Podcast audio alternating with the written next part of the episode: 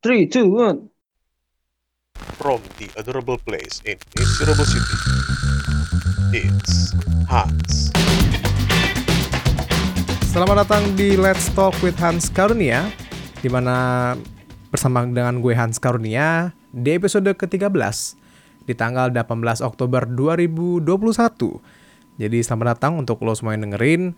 Apa kabar? Semoga kondisi tetap sehat ya karena kita lagi masuk di masa-masa yang nggak jelas ya. Biasanya yang gue tahu kalau bulan-bulan Oktober, September, November, Desember itu kan seharusnya masuk musim hujan. Tapi sekarang bahkan kadang tuh terik banget di siang hari dan malamnya tuh atau mungkin sorenya jadi hujan. Dan itu kan sangat berbahaya banget buat kesehatan. Jadi untuk lo semua tetap harus jaga kesehatan karena di luar juga masih banyak ancaman yang um, bakal mengganggu kehidupan kita. Contohnya adalah penyebaran COVID-19. Meskipun kasus sudah mulai turun gitu ya, tapi tetap harus jaga protokol kesehatan, jangan terlalu euforia gitu ya, apalagi kayak kasus kemarin ada kasus sebuah gue bilang restoran sempat saji kali ya, tapi yang isinya ada sayur-sayuran, ada roti gitu ya, di mana kembali dibuka setelah dulu sempat dibuka gue nggak tahu tahun berapa tapi dibuka lagi di Indonesia di mana hype-nya tuh emang sudah terasa sejak beberapa minggu ke belakang karena kan banyak orang yang mengetahui makanannya dari drama Korea alias drakor yang udah rame banget. Dan yang gue tahu sih gue juga pengen dulu beli tapi sekitar tahun 2016an waktu itu gue sempat ke Singapura gue pengen banget beli makanan itu, tapi nggak kesempatan gitu ya. Dan saat dibuka kemarin, ternyata terjadi antrian yang cukup mengular, sama seperti kejadian waktu McDonald mengeluarkan limited edition dari uh, McD BTS meal. Orang udah main rame tuh, bahkan di Twitter kayak bilang, wah ini kayaknya bakalan sama kayak kasusnya McDonald BTS nih, di mana sampai ada yang di apa ditutup, disegel gitu.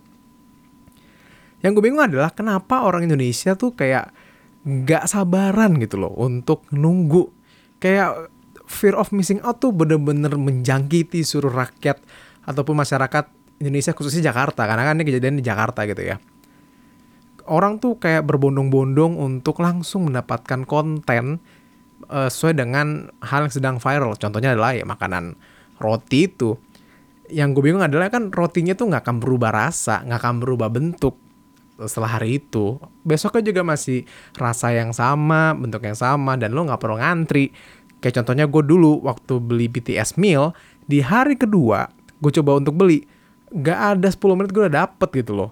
Sedangkan saat kemarin gue baca di Twitter baca di berita gitu ya kemarin atau hari sebelumnya itu ngantri sampai 3 jam cuma buat BTS meal. Betapa ketakutannya orang Indonesia tuh kalau nggak langsung mendapatkan suatu hal yang sedang viral. Lalu gue mau ngucapin selamat untuk Indonesia yang berhasil mendapatkan Piala Thomas untuk pertama kalinya setelah 19 tahun. Setelah mengalahkan Cina di final atau Tiongkok ya dengan skor 3-0 di Ceres Arena Denmark. Wah, enak kayak ini taruh di roti ya. Jadi gelar juara ini adalah yang ke-14 kalinya diraih Indonesia di ajang Piala Thomas. Sedangkan Tiongkok yang mendominasi selama kurang lebih dua dekade ke belakang mendapatkan 10 piala. Jadi selama dua dekade Indonesia tidak mendapatkan apa-apa, Indonesia masih berada di posisi pertama, sedangkan Cina masih ya dikit lagi ya, masih ada empat piala lagi yang harus dikejar gitu ya. Jadi kepastian Indonesia menjadi juara itu setelah Jonathan Christie menang atas tunggal kedua Cina Li Shifeng dengan skor 21-14, 18-21, dan 21-14 dalam tempo 1 jam 26 menit. Jadi ini adalah pertandingan ketiga ya, yang memastikan kemenangan 3-0 untuk Indonesia atas Tiongkok. Dan dengan kemenangan ini, menambah Piala, uh, Piala Thomas Indonesia menjadi 14 ya, setelah Hari Raya tahun 2002. Dan ada pemandangan menarik pada penyerahan piala dari Piala Thomas ini karena saat Cina ataupun Tiongkok mendapatkan medali perak gitu ya, benderanya berkibar di sana. Sedangkan Indonesia yang berkibar adalah bendera PBSI. gue mau PBSI aja sampai kepleset. Yaitu Persatuan Bulu Tangkis Seluruh Indonesia. Kenapa? Karena Indonesia dihukum oleh Badan Anti Doping Dunia, di mana mereka ataupun Indonesia itu dilarang mengibarkan bendera dan jadi tuan rumah. Jadi mendapatkan hukuman Indonesia itu dari Badan Anti Doping Dunia atau WADA setelah Lembaga Anti Doping Indonesia atau LADI dinyatakan tidak mematuhi kode anti doping dunia. Menurut pernyataan resmi WADA di hari Jumat tanggal 8 Oktober, ketidakpatuhan yang dimaksud adalah ketidaksesuaian dalam melaksanakan pengujian efektif kepada tiap atlet di seluruh cabang olahraga. Jadi, dengan adanya keputusan ini, maka Indonesia dilarang untuk mengibarkan bendera pada salah satunya adalah saat penyerahan Piala Thomas di tahun ini gitu ya. Well, meskipun gitu ya, gue jadi pikir kayak ternyata setelah 20 tahun gitu ya, Indonesia mengejar kembali supremasi tertinggi gitu, yaitu Piala Thomas, akhirnya berhasil mendapatkan. Walaupun memang yang berkibar adalah bendera PBSI, tapi kan paling enggak tetap ada euforia di sana. Mau ada siapa pun yang mengganggu gitu ya, ya meskipun ini salah sendiri sih, kayaknya emang nggak bener aja gitu kan ya tidak mengurangi tapi jadi agak beda aja untuk perayaannya gitu ya. Ada berita yang membahagiakan di mana Indonesia berhasil mendapatkan Piala Thomas, tapi ada juga berita yang tidak, kalau gue bilang sih tidak patut untuk dilakukan ya oleh orang lain ataupun untuk lolos semua. Yaitu kasus uh, polisi membanting mahasiswa Tangerang uh, saat adanya demo di sana. Jadi untuk yang belum tahu secara rincinya ya, jadi ada sebuah kasus di mana saat ada demo mahasiswa di kantor Bupati Tangerang, terjadi sebuah adegan smackdown yang dilakukan oleh tenaga kepolisian. Kayaknya kebanyakan nonton Randy Orton kayaknya atau kebanyakan nonton John Cena kayak. Jadi kejadiannya itu e, direkam di sebuah video. Jadi saat ada demo, tiba-tiba ada satu polisi yang menarik mahasiswa dan langsung dibanting benar dibanting ke bawah dan menyebabkan uh, mahasiswa tersebut sampai mengalami kejang-kejang. Uh, memang meskipun sudah ada klarifikasi, sudah ada permohonan maaf dari polisi ya, tapi banyak pihak yang mengatakan bahwa seharusnya dilakukan penanganan yang lebih baik lagi dan kalau perlu dilakukan yang namanya pengusutan secara utuh atau secara penuh. Karena uh, menurut uh, apa namanya menurut Kombes Pol Ahmad dia menekankan bahwa permohonan maaf kepada mahasiswa yang dibanting oleh anggota polisi tidaklah cukup dan kasusnya akan diteruskan sesuai dengan proses hukum yang berlaku.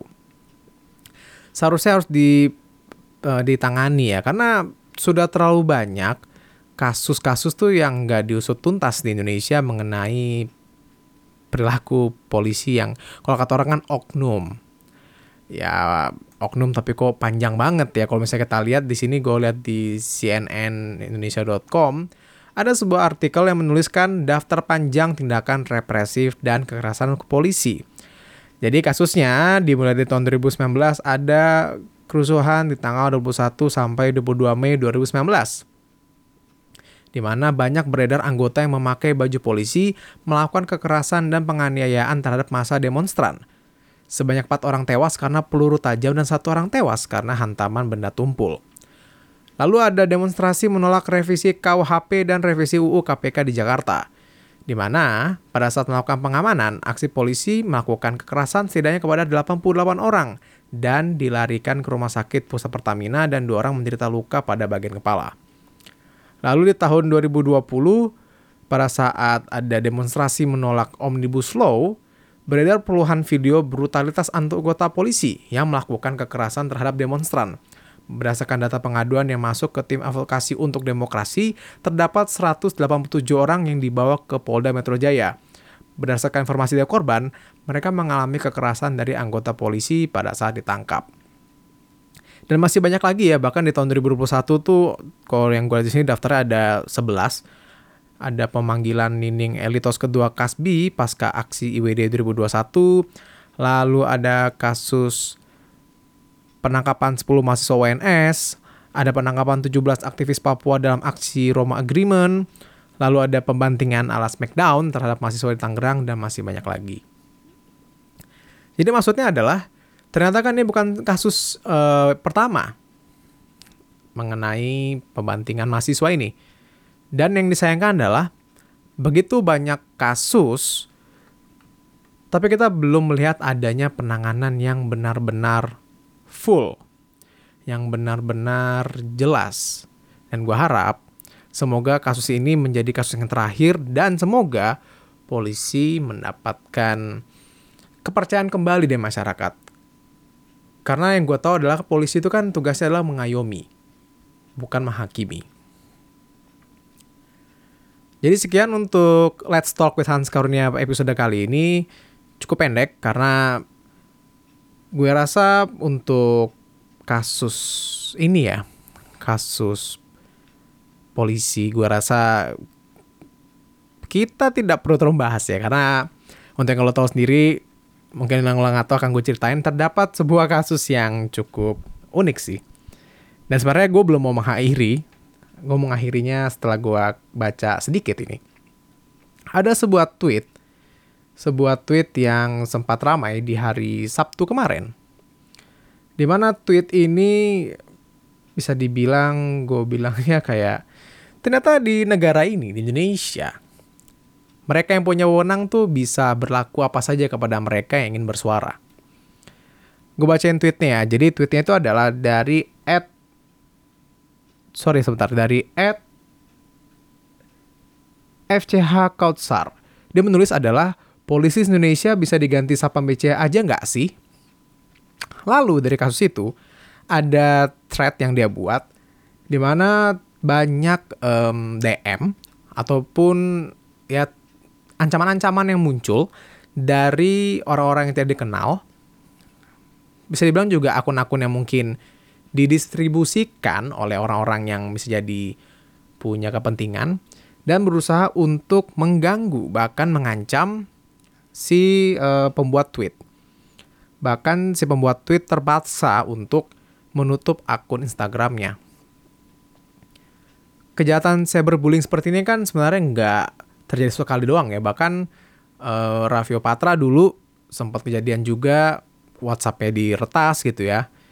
Dan gue rasa ini menjadi sebuah concern yang harus dilihat dan juga harus dipahami oleh kita semua bahwa ternyata yang namanya bersuara, yang namanya menyatakan pendapat di Indonesia, apalagi di media sosial, bisa jadi kini semakin terkikis yang namanya kebebasan. Karena dimulai dari adanya polisi cyber yang beralasan untuk menjaga stabilitas ataupun melihat bagaimana ada akun-akun yang dianggap tidak berlaku dengan baik tapi justru berakibat kejadian-kejadian yang bisa dibilang pembungkaman seperti zaman dulu.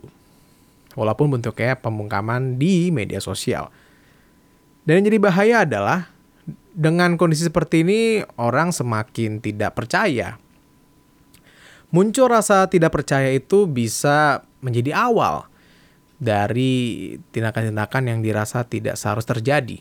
Dan gue harap tidak ada lagi kejadian seperti ini. Karena seperti yang gue bilang tadi, memang polisi itu adalah salah satu orang ataupun salah satu instansi yang diharapkan oleh masyarakat agar dapat memberikan rasa nyaman kepada orang banyak. Tapi jangan sampai bukan yang memberikan rasa nyaman, justru memberikan ketakutan terus-menerus dikarenakan ML kata polisi justru membuat orang menjadi takut padahal selama ini polisi memberikan banyak statement bahwa polisi harus menjadi pelayan masyarakat yang bisa dekat dengan masyarakat. Bagaimana mau dekat saat masyarakat sedang bersuara, justru mencoba untuk dibungkam. Oke, sekian dari gue. Kita ketemu lagi minggu depan. Jangan lupa dicek di Twitter dan juga IG kita di @dialog. Untuk kirim email bisa langsung kirim aja di id.dialog@gmail.com. Hans Karya pamit, sampai jumpa dan bye-bye.